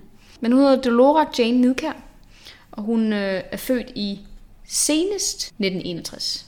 Så hun er i hvert fald mindst 34 år gammel. Og jeg tror, hun er nok en del ældre. Hun er måske et sted i 40'erne eller 50'erne eller sådan noget. Det er min klare fornemmelse. I hvert fald den måde, hun bliver fremstillet i filmen, ligner hun ikke en 34-årig. Hvad tænker du? Ja, hun er yngre i bogen, end hun er i filmen. vi ved hvad- ikke, vi ved eller ikke hvad årstallet er. Altså, vi, vi ved bare, at det er allersenest er 1961. Så hun er i hvert fald 34 år. Hun er sandsynligvis ældre end 34. Ja, altså i filmen er hun i hvert fald helt klart meget ældre. Men jeg ved ikke, om filmen har gjort hende ældre, end hun er i bogen. Nej, det gør de jo op i McGonagall. Der tror jeg, hun Så er... det, Ja, jeg tror, hun er yngre i bogen, end hun er i filmen. det kan sagtens tænkes. Det kan sagtens tænkes. Hun kører også på det her unge pige look med øh, meget pink og sløjfer og alt sådan noget. Harry, øh, han noterer sig ofte, at hun har sådan en lille sløjfe på hovedet, der ligner en flue. Også det der med, at den måde, hun afbryder på, det er sådan... Ja, ja, ja. Altså, hun, hun øh, vil gerne fremstå sådan lidt uskyldig.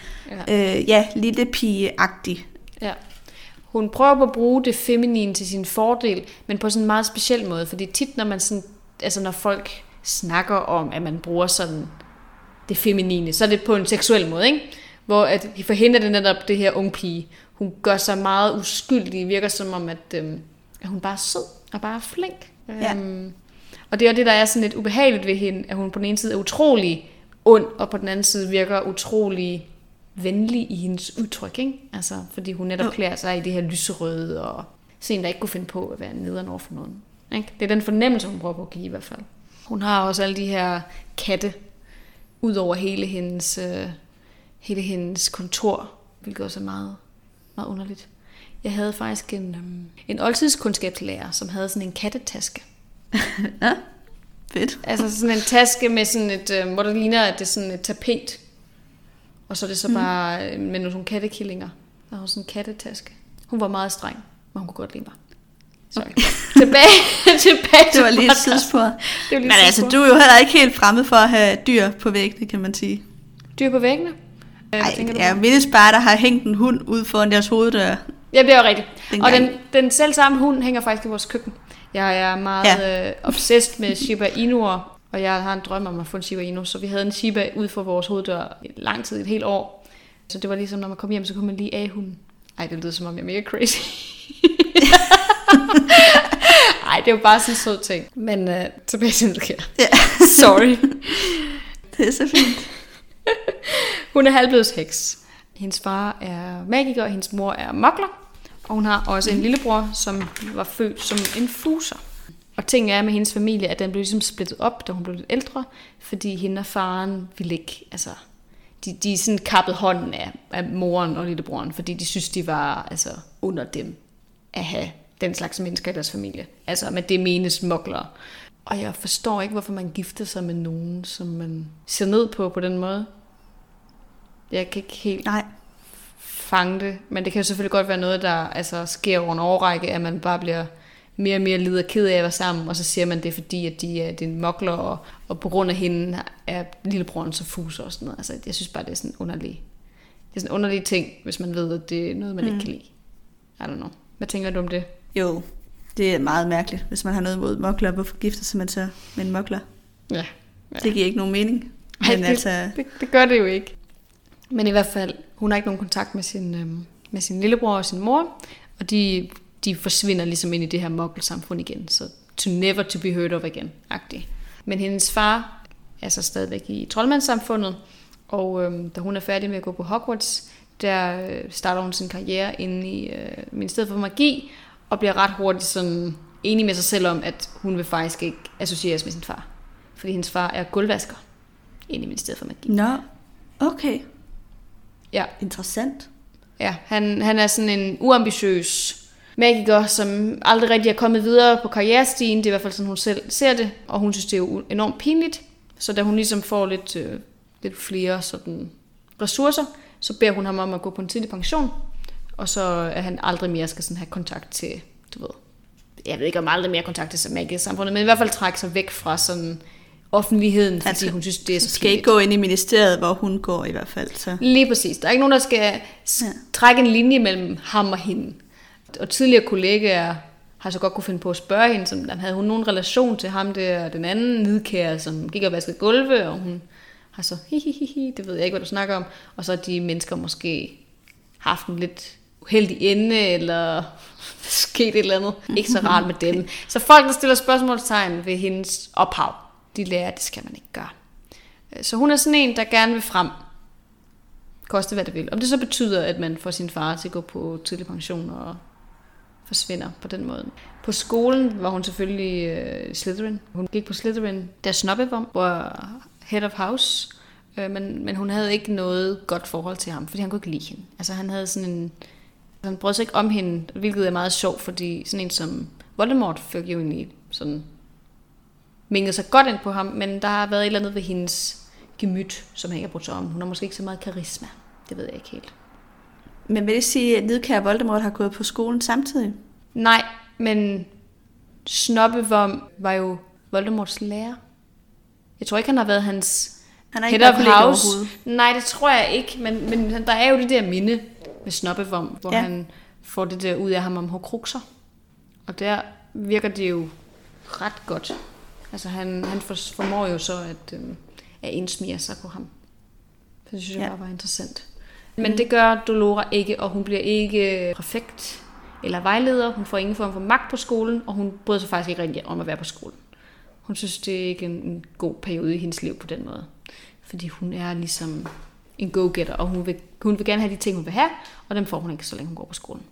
Inde i Ministeriet for Magi, der starter hun som praktikant på kontoret for uautoriseret brug af magi. Og det er ligesom også her, hun skaber sig en karriere. Hun ender med at blive øh, chef for kontoret øh, som 30-årig. Blandt andet fordi, at hun, hun forstår ligesom at smiske for sin ligemænd, men også for sin overordnede. Samtidig med, at hun udnytter dem, der under hende, tyranniserer dem, tager, øh, du ved, credit for deres arbejde. Så hun forstår ligesom, hvordan man skal stige graderne, uden at lave en masse arbejde selv. Hun får også lavet noget, noget lovgivning mod half-breeds, altså magiske væsener som for eksempel varulve. Og det er jo blandt andet på grund af den her lovgivning, hun har lavet, at øh, Lupin ikke kan finde noget job. Hun nævner faktisk også i mit kapitel ja.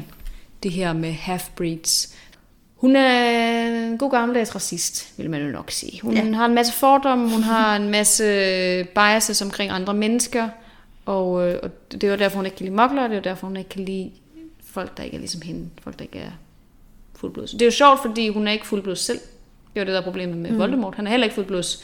Så det er noget mindre værtskompleks, der nok også spiller ind her. Ja. Det var Hitler jo heller ikke. Han havde jo Nej, også det... noget et eller andet 8. del jøde i sig, eller hvordan. Jeg kan ikke lige helt huske det, men det var sådan noget, hvor det, det man kunne godt lidt mistænke netop sådan et eller andet form for mindre værtskompleks. Det er pudsigt. Øh... Det er pudsigt, at man vælger sådan noget der, når man gør sådan noget mod folk, når man, når man, når man selv har lidt af det i sig. Det er meget underligt. Ja, ja det er meget, meget mærkeligt. Det giver jo heller ikke nogen mening. Altså, men, Nej. Ja. men det er selvhed. Det må det være. Det, der er noget selvhed i det der. Det er det eneste, der giver mening. Men øhm, det, der også er interessant ved Umbridge, det er jo, at hun er en af de skurke i serien, som folk hader allermest. Og som J.K. Rowling mm. også hader allermest. Og J.K. Rowling har jo også baseret hende på et, et menneske, som hun har mødt i virkeligheden. Hun har ikke sagt hvem, men en, som hun har, altså ved første øjekast bare har afskyet. Og jeg tror især Nidkærs fysiske fremtoning, det her med, at hun er meget sådan pussenusset, det er i hvert fald det, hun har været inspireret af, den her meget feminine, pink, lille pige stil. Og det, der er jo lidt interessant ved det her, er jo også, at Nidkær er utrolig fordomsfuld. Og det ved godt, det her ikke er så pænt at sige, men det er J.K. Rowling jo også blevet. Så på en eller anden måde er hun, ja. i, i hvert fald i, i mine øjne, nærmede sig lidt mere sådan en karakter som Nidkær. I hvert fald mere, end hun gjorde for et par år siden. Jeg har også lagt mærke til her i foråret, at hun er begyndt at blive mere sådan politisk aktiv på det her område. Også en ting er ligesom at retweet ting. Noget andet er ligesom at, øhm, at lave møder med personer i den her anti-lobby bevægelse i Storbritannien, som hun har begyndt at gøre også. Det minder så, mig bare altså, meget om Nidkær. En anti-bevægelse mod transpersoner, eller hvad? Ja, lige præcis. Lige præcis. Mm. De havde lavet sådan nogle, sådan nogle frokostmøder her i foråret under øh, det hashtag, der hed sådan Respect my sex if you want my ex. Altså fordi det er sådan, hvis du ikke anerkender, at der er biologisk køn, så stemmer jeg ikke på dig. Og der er en, der er en del øh, sådan prominente kvinder i Storbritannien, som, som er antitrans, og hvor det ligesom er deres platform, som hun også er begyndt at, jeg ved ikke, hvad man skal kalde det, hænge ud med. Det skal man jo ikke bestemme, hvad andre mennesker gør. Det er bare interessant, at hun før var så tolerant og prædikede tolerance, for eksempel i forhold til varulve, AIDS, mm. øh, AIDS-offre og homoseksuelle og sådan noget, at hun så selv begynder at mænge sig med folk, der, der er meget diskriminerende, hvis det giver mening. Mm. Ja, ja, ja. Der er noget mismatch mellem det budskab, hun egentlig prøver at dele i bogen, og så ja. det, hun selv gør nu. Det er nok det, jeg prøver på at sige, ja, fordi hun har selv udtalt, at Dolora er en af de personer, hun hader allermest af sin karakter. Altså det siger også noget, når man har sådan en karakter som Bellatrix og Voldemort. Mm. At hun så hader Dolora mest, ikke? Når hun så se, altså... ja, men som du siger, det er der også mange læsere af bogen, der gør. Ja, ja. ja. Dolora er uskyelig, men det er også fordi, hun er så fordomsfuld, og hun minder en om nogen, som man godt kunne møde i virkeligheden. Det gør Bellatrix ja. og Voldemort ikke. Nej, Voldemort og Bellatrix er så karakterer altså opfundne, eller sådan, de er ja. så langt fra de er så skurkeagtige, altså de er så skurkeagtige, det er så sort-hvidt, hvor Dolora, altså hun er også crazy, og det er heller ikke de fleste mennesker, der er som hende. Men det der magtbegærlighed og øh, fordomsfuldhed og sådan snævsynlighed, ikke? Den der, den møder ja. man også mennesker, der har i ens omgangskreds. Ja, ja. Og det der med at pakke ind i noget uskyldigt. Ja. Eller altså, at jeg tror også, det er det, der trigger rigtig mange, også mig selv med Dolores, det er, at hun vil gerne, hun fremstår som en meget, meget uskyldig person. Ja. Men det er jo kun for at dække over noget, der overhovedet ikke er uskyldigt.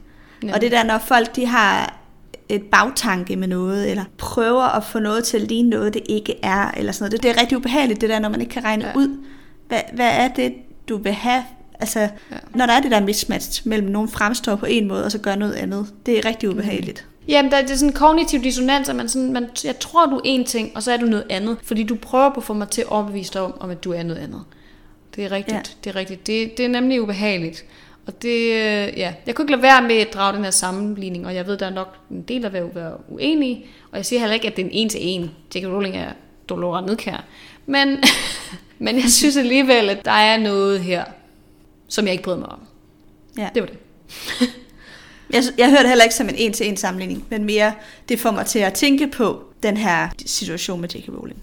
Lige præcis, lige præcis. Altså, fordi vi har mange sådan ja. racister i den her verden, som hader mokkelfødte, som hader moklere. Altså også her med Fantastic Beasts-filmene, hvor de nærmest vil, vil udrydde alle ikke troldmænd det kan i hvert fald mm. godt lyde sådan på den måde, det bliver, det bliver fremsat, ikke? Og det er sådan den ene pendant, men så er der også den meget mere skjulte. Så laver man noget lovgivning, som gør, at det bliver lidt sværere at leve for folk, der er anderledes. Og det er jo det, der sker i dag i USA, især i de her år, på mange planer. Ja. Nu bliver det meget politisk. Ja. I'm so sorry. Ja. Har du mere at sige om Dolores? Nej, jeg har ikke. Nej. Skal vi så ikke komme videre til ulepost? Jo.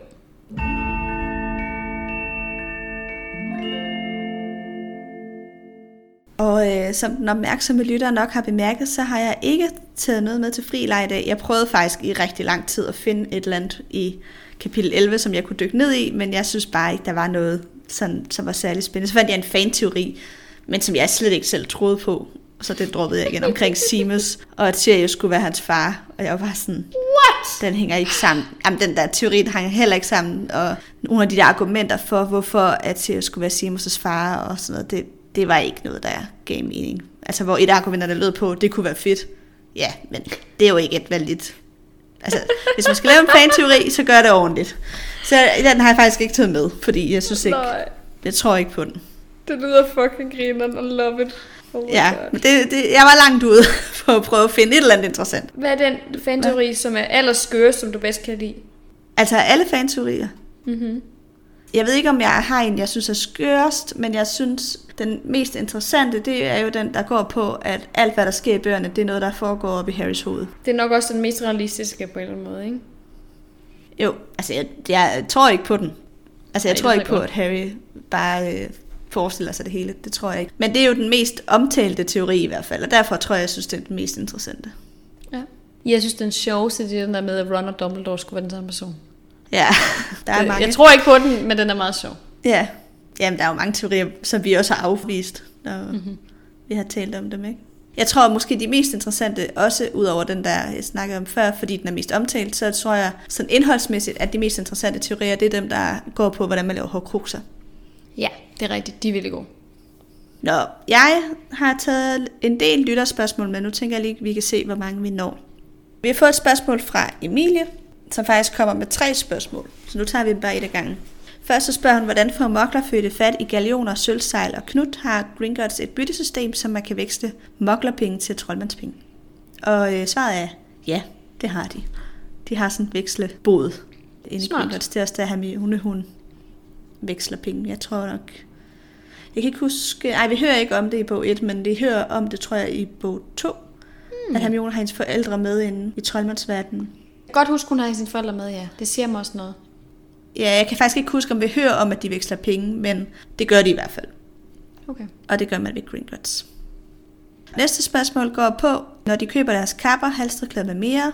Inden første år ved de jo ikke, hvad for et kollegie de kommer på, så hvordan får de kollegiefarver og logo på deres ting. Godt og de køber jo bare sorte kapper, inden de starter på Hogwarts. De køber jo ikke med logo på. Og jeg mener faktisk i bøgerne, at de bliver ved med at bruge sorte kapper det er filmene, at de har andre farver på, som jeg lige husker det. Ja, jeg kunne godt Men forestille de køber mig... merchandise. Altså, ja. så køber de jo sådan noget halsterklæder, eller måske nogle badges eller noget. Og jeg tænker jeg, uden at jeg ved det, kunne jeg forestille mig, at det kan man købe både Hogsmeade og Elstred. Vi får i hvert fald tit at vide, at de går rundt med badges. Altså ikke, at de går rundt med Gryffindor badges, men for eksempel de der øh, Harry Potter sock badges, ikke? Altså det er under trekampspokalen, mm. hvor de kan lave deres egne badges og sådan noget. Så hvis de kan det, kan de nok også godt altså, få fat i et strikket halserklæde. For eksempel Luna, hun har den der store løvehat.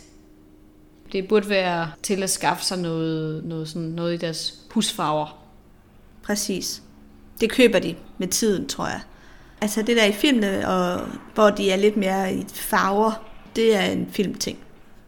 Det tror du har ret i. Jeg tror også, de har, altså så har de sådan en cardigan, hvor nede på, på bunden, så er der for eksempel sådan en stribe med, med deres farver. Det tror jeg også er simpelthen kun til filmene. Ja. Nå, og så står der her, og det sidste spørgsmål er, hvorfor er Harry halvblodstrolmand? Begge hans forældre var jo magikere. Er det fordi hans mor er moklerfødt? Jeg har aldrig forstået det, så det kunne være fedt, hvis I kunne forklare det. Mm. Og svaret er ja. Altså, det er jo fordi, i Voldemorts optik er Harrys mor jo mokkelfødt troldmand, og derfor er han halvblodstrolmand. De skal gå tilpas langt tilbage, for at man er fuldblods, ikke? Jo, og jeg kan ikke lige huske. De har jo sådan en beregnermodel, som svarer til den, nazisterne også havde. Ja. Den har J.K. Rowling altså kopieret som sådan en forklaring til, hvordan man regner det ud i mm. troldmandssamfundet, hvornår nogen er mokkelfødt og troldmands ja. født. Eller hvad man det, det er ofte sådan noget otte generationer tilbage, er det ikke det? Jeg kan simpelthen ikke huske det, og jeg tror ikke, det er helt så meget. Men jeg kan ikke huske det. Det er jo også en, noget, der slet ikke giver mening. Altså. Selvfølgelig ikke. Det er totalt bollocks. Men ja, ja, den måde at opdele folk på, giver jo ikke nogen mening. Så det, at Voldemort fokuserer så meget på det, det er jo fordi, det er det, der er hans ideologi, og han mener, at Harry er halvblodstrolmand. Mm-hmm. Hvilket han også selv er, men i virkeligheden er Harry jo måske nærmere betegnet fuldblodstrolmand, fordi hans mor jo har, havde magiske evner, ikke? Jo. Ja, så det kommer an på, hvem man spørger, tror jeg, hvordan man yes. opfatter det. Så er der et spørgsmål fra Viola, som skriver, jeg kom til at tænke på, hvordan dødskadisterne kan slippe væk fra Azkaban, når man hører i bøgerne og ser i filmene, at det ligger midt ude i et hav. De kan vel ikke have deres tryllestave med i Azkaban, og hvordan får de dem tilbage efter deres ophold i Azkaban? Og skal jeg svare? Ja, jeg kan godt øh, prøve at komme med et bud. Det da de kommer ud her i bog 5, skyldes det vel, at de er blevet brudt ud. At der er nogen, der er kommet og har lukket dem ud. Så at sige, ikke? Så jeg tænker, jo. at den person har jo nok ja, skabt en anden vej for dem. Om det så er med en transitnøgle, eller hvad det er. Eller har taget nogle tryllestav med til dem. Og på den måde har de så kunne få dem væk fra øen. Forestiller jeg mig. Altså, så vidt jeg husker det, så er dementorerne gået over til Voldemort mm. på det her tidspunkt, hvor de bryder ud. Så jeg tænker, dementorerne har simpelthen bare givet dem tryllestævne tilbage, og så har de kunnet transferere sig væk, eller ja, nogen er kommet med en transitnøgle eller et eller andet. Det tror jeg slet ikke, det har været et problem for dem. Voldemort kan jo også kalde dem til sig. Det er rigtigt. Og så kommer de. Det er rigtigt, det er rigtigt. Det er selvfølgelig en god pointe, det her med, at dementorerne er gået over til Voldemort på det tidspunkt. Spørgsmålet er, altså om de sådan, om han kan beordre dem rundt, sådan som han vil, eller om de bare ikke, du ved, agerer imod ham. Jeg er ikke helt sikker på det. Jeg, nej, jeg tror ikke, han kan på den måde kan styre dem, som han kan styre andre. Men jeg tror godt, at de ligesom kan få beskeden, at de skal udlevere tryllestave, for eksempel. Ja. Og så ja. tror jeg, de vil gøre det. Det kan godt være, du har ret. Altså i hvert fald, fordi vi ser her med Dolora, med angrebet på Harry og Dudley, at hun i hvert fald siger til dem, at de skal gå hen et eller andet vist sted, og så angribe de her to. Så, så tilpas meget kontrol ja. kan man godt have over dem. Man kan godt give dem ordre. Ja. Lige ja. præcis, lige præcis. Så det tror jeg er svaret. Fair nok. Kan vi nå et spørgsmål mere? Ja da. Der kommer et her fra Lasse, som skriver, jeg har et spørgsmål til Ulepost. Er al musikken fra filmene, hvilken forbinder I mest, eller kommer I først i tanke om angående Harry Potter? Og hvis det nu ikke må være Hedvigs theme, som nok er det mest klassiske, hvad skulle det så være? Jeg tænkte jo med det og samme på Hedvigs tema. ja, ja, præcis. Og til dem, der er i tvivl, så er Hedvigs tema jo...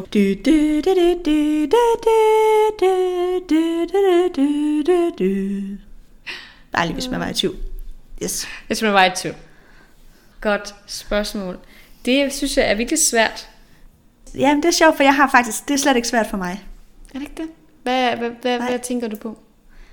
Jeg tænker på... Øh, jeg tror så kun, det er med i soundtracket til film 1, men det hedder øh, Leaving Hogwarts. Og det er det der tema, som man hører, man hører den flere gange i filmen, men for eksempel der, hvor det står tydeligt for mig, det er den scene, hvor Harry han sidder i vindueskarmen op på sovesalen i sit nattøj og kigger, og det er nat, og han er den eneste, der vågen, og sidder så og kigger ud og bare sådan tænker.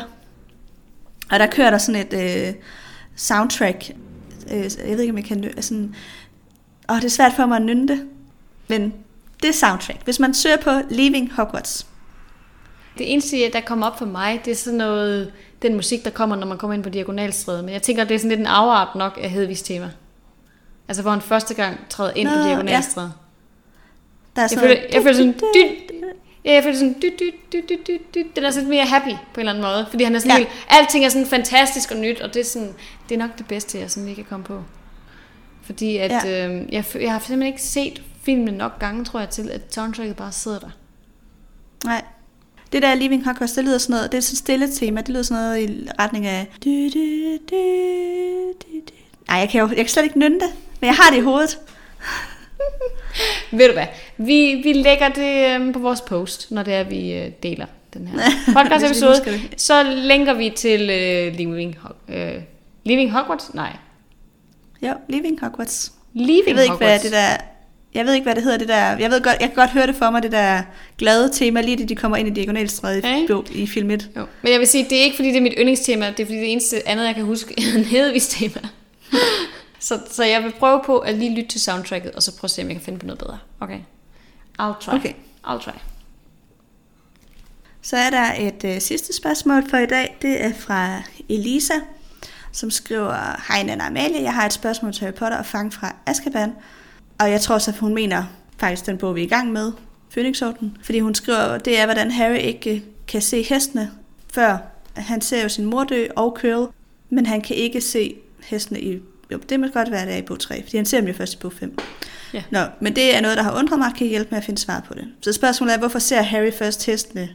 Nu har jeg glemt, hvad de hedder. Til de der, der trækker vogne. Til straterne, lige præcis. Hvorfor ser han først dem i øh, starten af bog 5 og ikke før? For han har jo set folk dø inden. Ja. Altså, og der har jeg fundet... Åh, oh, undskyld. Altså jeg vil sige, den med moren, den er i hvert fald... Det handler om, at han simpelthen ikke er bevidst om, hvad der sker. Fordi han er så lille, så han har ikke øh, bevidsthed om, at hun dør. Og med Quirrell tænker jeg, det er, fordi han når at besvime, inden det er, inden det er, han dør, er det ikke det? Mm. Det er fuldstændig rigtigt. Det er det, J.K. Rowling giver som forklaring. Sådan. Whoop, whoop. Jeg har, fundet, øh, jeg har nemlig fundet en udtalelse og det er et lidt langt svar. Jeg ved ikke, om jeg skal læse det op, eller om jeg bare skal tage udtrækket af det. Sådan overordnet, så svarer hun, for det første bliver hun ofte spurgt om det der. Der er mange, der har undret sig over det. Og øh, til svar med hans forældre, altså han ser faktisk heller ikke, at de dør. Han ser bare et grønt lys. Men han forstår det heller ikke, og man skal kunne forstå døden, for at man kan se til strålerne. Og Curl, der er han ganske rigtig besvimet, som du siger. Så han ser heller ikke, at han dør. Og så øh, i forhold til Cedric i slutningen af bog 4, så er det rigtigt, der ser han jo, at han dør. Og så kan man sige, hvorfor ser han så ikke til stranderne på turen fra Hogwarts til togstationen? Og der har J.K. Rowling forklaret det med, at der vil jeg ikke til at starte en nyt mysterie op omkring de der heste, fordi det vil man ikke kunne få svar på før i bog 5. Så derfor har hun ligesom besluttet sig for, at det, man skal ligesom være over chok, før man kan, man skal kunne føle, hvad død betyder. Eller sådan, man skal fuldt ud forstå, hvad det vil sige, at nogen er død. Og Harry har været så meget i choktilstand på det tidspunkt, at, øh, ja, at han ikke ser til straterne. Fair nok, det giver mening. Og det giver også mening sådan rent fortælleteknisk, at hun har synes, det har været et dumt tidspunkt at begynde at introducere de her væsener på. Og sådan, det gemmer jeg til den næste bog. Ja, det er jo i virkeligheden nok det, det har handlet mere, end at det har handlet om det der, nu får nogen på det der med, Nå, der skal også være, han var i choktilstand, han forstod ikke, hvad det var, han havde set rigtigt. Eller han ikke havde fuldt ud begrebet det, hvor det er sådan, nej, men i virkeligheden var det jo nok netop plotmæssigt, at vi skal ikke til at introducere noget nyt nu. Du synes, det var et dårligt tidspunkt, så derfor gad du ikke have med der. Ja. Men øh, ja, ja, hendes forklaring er, er da fin nok. Hendes forklaring er da fin nok. Det hænger, det hænger okay sammen, synes jeg. Sådan umiddelbart. Ja. Fair nok, fair nok. Mm. Ja, men øh, jeg tænker, at det var egentlig det, vi havde for i dag. Yes. Så er det jo bare citat-tid.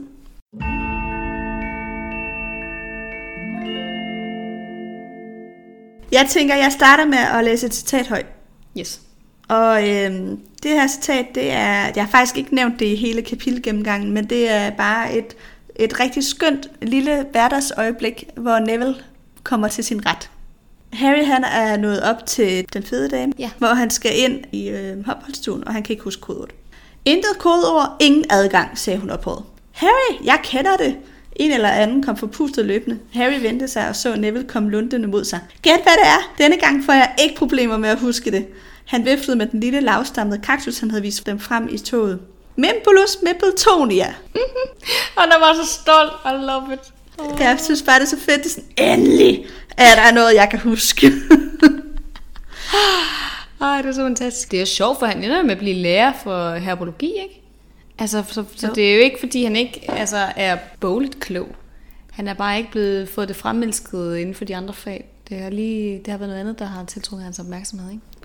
ja, og så har, så har han jo bare det der, især som barn, at han bare glemmer de der kodeord hele tiden. Ikke? Mm-hmm. Det er jo et kæmpe problem for ham. Ja. Han er så skøn. I love him. Mit citat er også fra et ikonisk øjeblik, og jeg, jeg vil ikke læse det op i løbet af kapitlet eller i løbet af gennemgangen, fordi jeg synes, at det skulle gemmes her til sidst. Det er, øhm, da Harry han, øh, han tropper op ude foran øh, professor McGonagalls kontor med den her lille pergamentseddel, og hun står og læser den. Følg med herind, Potter. Han fulgte med hende ind på hendes kontor. Døren lukkede sig automatisk bag ham. Nå, sagde professor McGonagall vredt til ham. Er det sandt? Er hvad sandt? spurgte Harry i tonefald, der var en kende mere aggressivt end tilsigtet. Professor, tilføjede han i et forsøg på at være lyde mere høflig. er det sandt, at du råbte af professor Nidkær? Ja, siger Harry. Kaldte du hende en løgner? Ja. Fortalte du hende, at ham, som ikke må benævnes, er tilbage? Ja. Professor McGonagall satte sig ned bag sit skrivebord og kiggede med rynkede bryn på Harry. Så sagde hun, tag en kiks, Potter. Tag hvad? Tag en kiks, gentog hun utålmodigt og pegede på en skotsk tandet blikdåse, der udgjorde toppen af en stak papir på hendes skrivebord, og sætte dig ned. Det lyder bare virkelig grineren på engelsk, hvor hun er sådan, take a biscuit, Potter. Nå, fordi hun er sådan lidt, altså prøv sådan på bare sådan, nu prøver jeg på at være en lille smule flink ved dig, så bare tag en af de her kiks, og så, så ser vi på det agtigt. Og det gør hun også det sidste kapitel, hvor hun er sådan lidt, nu tag en til. Og han gider ikke tage en, han er sådan, jeg skal ikke have flere kiks, og sådan, nu tager du en til. og det var sådan, det var så pudsigt. Jeg elsker den her, ja, den her lille situation mellem dem, det er virkelig sjovt. Jeg blev også interviewet til øh, en podcast her for ikke så lang tid siden. Øhm, Børneavisen, tror jeg det var. Hvor hun har spurgt mig, hvad mit yndlingsøjeblik var. Jeg, jeg synes, at øhm, det er så let at sige et eller andet fra bog 1. Første gang Harry får en tryllestav, eller første gang han kommer ind på skolen, eller sådan noget. Og mange af de ting, vi snakker om, som er sådan storladende øjeblikke, det er, når nogen dør, eller når noget rigtig trist sker. Det er tit der, mm. sådan, det for virkelig rammer en. Men jeg synes, det passede sig ikke rigtigt, at det skulle være et trist øjeblik. Jeg synes, det var sådan, det, det var egentlig heller ikke helt det, jeg gik efter, men, men det er især dem, der har berørt mig, det er de triste øjeblikke selvfølgelig. Men så, så valgte jeg at fortælle om det her, og jeg er ikke sikker på, at hun fangede, hvorfor det var et godt øjeblik. Men jeg, jeg synes bare, der er et eller andet, jeg tror, jeg kan forklare det særlig godt, men der er bare et eller andet virkelig fedt ved den her lille scene mellem McGonagall og Harry, og jeg vil anbefale, at man, hvis man ikke kan huske den, så gå tilbage og læse den, for den er bare, den kan bare et eller andet helt særligt, den her lille situation med de to. Mm, det er rigtigt. Det er et meget fint øjeblik, der er mellem dem, der er. Det, det, synes jeg, det, det viser også bare, at J.K. Rowling hun kan have utrolig meget humor i det, hun skriver. Altså, det er jo noget det, hun gør rigtig godt. Det er de der sådan små finurlige situationer, de små stikpiller, altså de der meget sådan... Det er meget menneskeligt at sidde på den her måde og være sådan mm. lidt... Så tag nu bare fucking kiks, altså hold nu op. Ja. ja. Det synes jeg bare var sjovt. Så det var det, var Ja. det jeg havde. Fedt. Og hvis der er nogen, der lige bliver intrigued, hvor kan man høre det, den podcast, du deltog i, Nanne? Ved du Gud, det? jeg har ikke engang selv fundet den, men jeg skal prøve at øh, lægge den et link også i den post, der kommer. Yes. Og til dem, der ikke lige ved, hvor det er, det er på den Facebook-gruppe, der hedder Harry Podcast-læsegruppen. Good. Så tror jeg, vi øh, kom igennem to kapitler mere i bog 5. Så øh, jeg tænker ikke, der er så meget mere andet end at sige tak, fordi I lytter med. Ja. Og øh, ja, hvis I har lyst, må I gerne huske at give os fem stjerner. Det er længe siden, vi har sagt det, ind på øh, den podcast-app, I benytter. Det er rigtigt. Det bliver vi altid så glade for. Jeg elsker at gå ind og læse anmeldelser. Det er noget af det bedste. Ja, det gør jeg faktisk tit, hvis jeg har en dag, hvor jeg er lidt ked af det. Så, øh, så er det dejligt lige at se, at der er nogen, der godt kan lide mig. Jamen, det er rigtigt. Jeg er lige sådan et mood boost, hvor man bare sådan, ja, yeah, et eller andet fungerer trods alt. Ja. Men øhm, tak for i dag. Tak for i dag, Nana. Hej hej. Hej hej.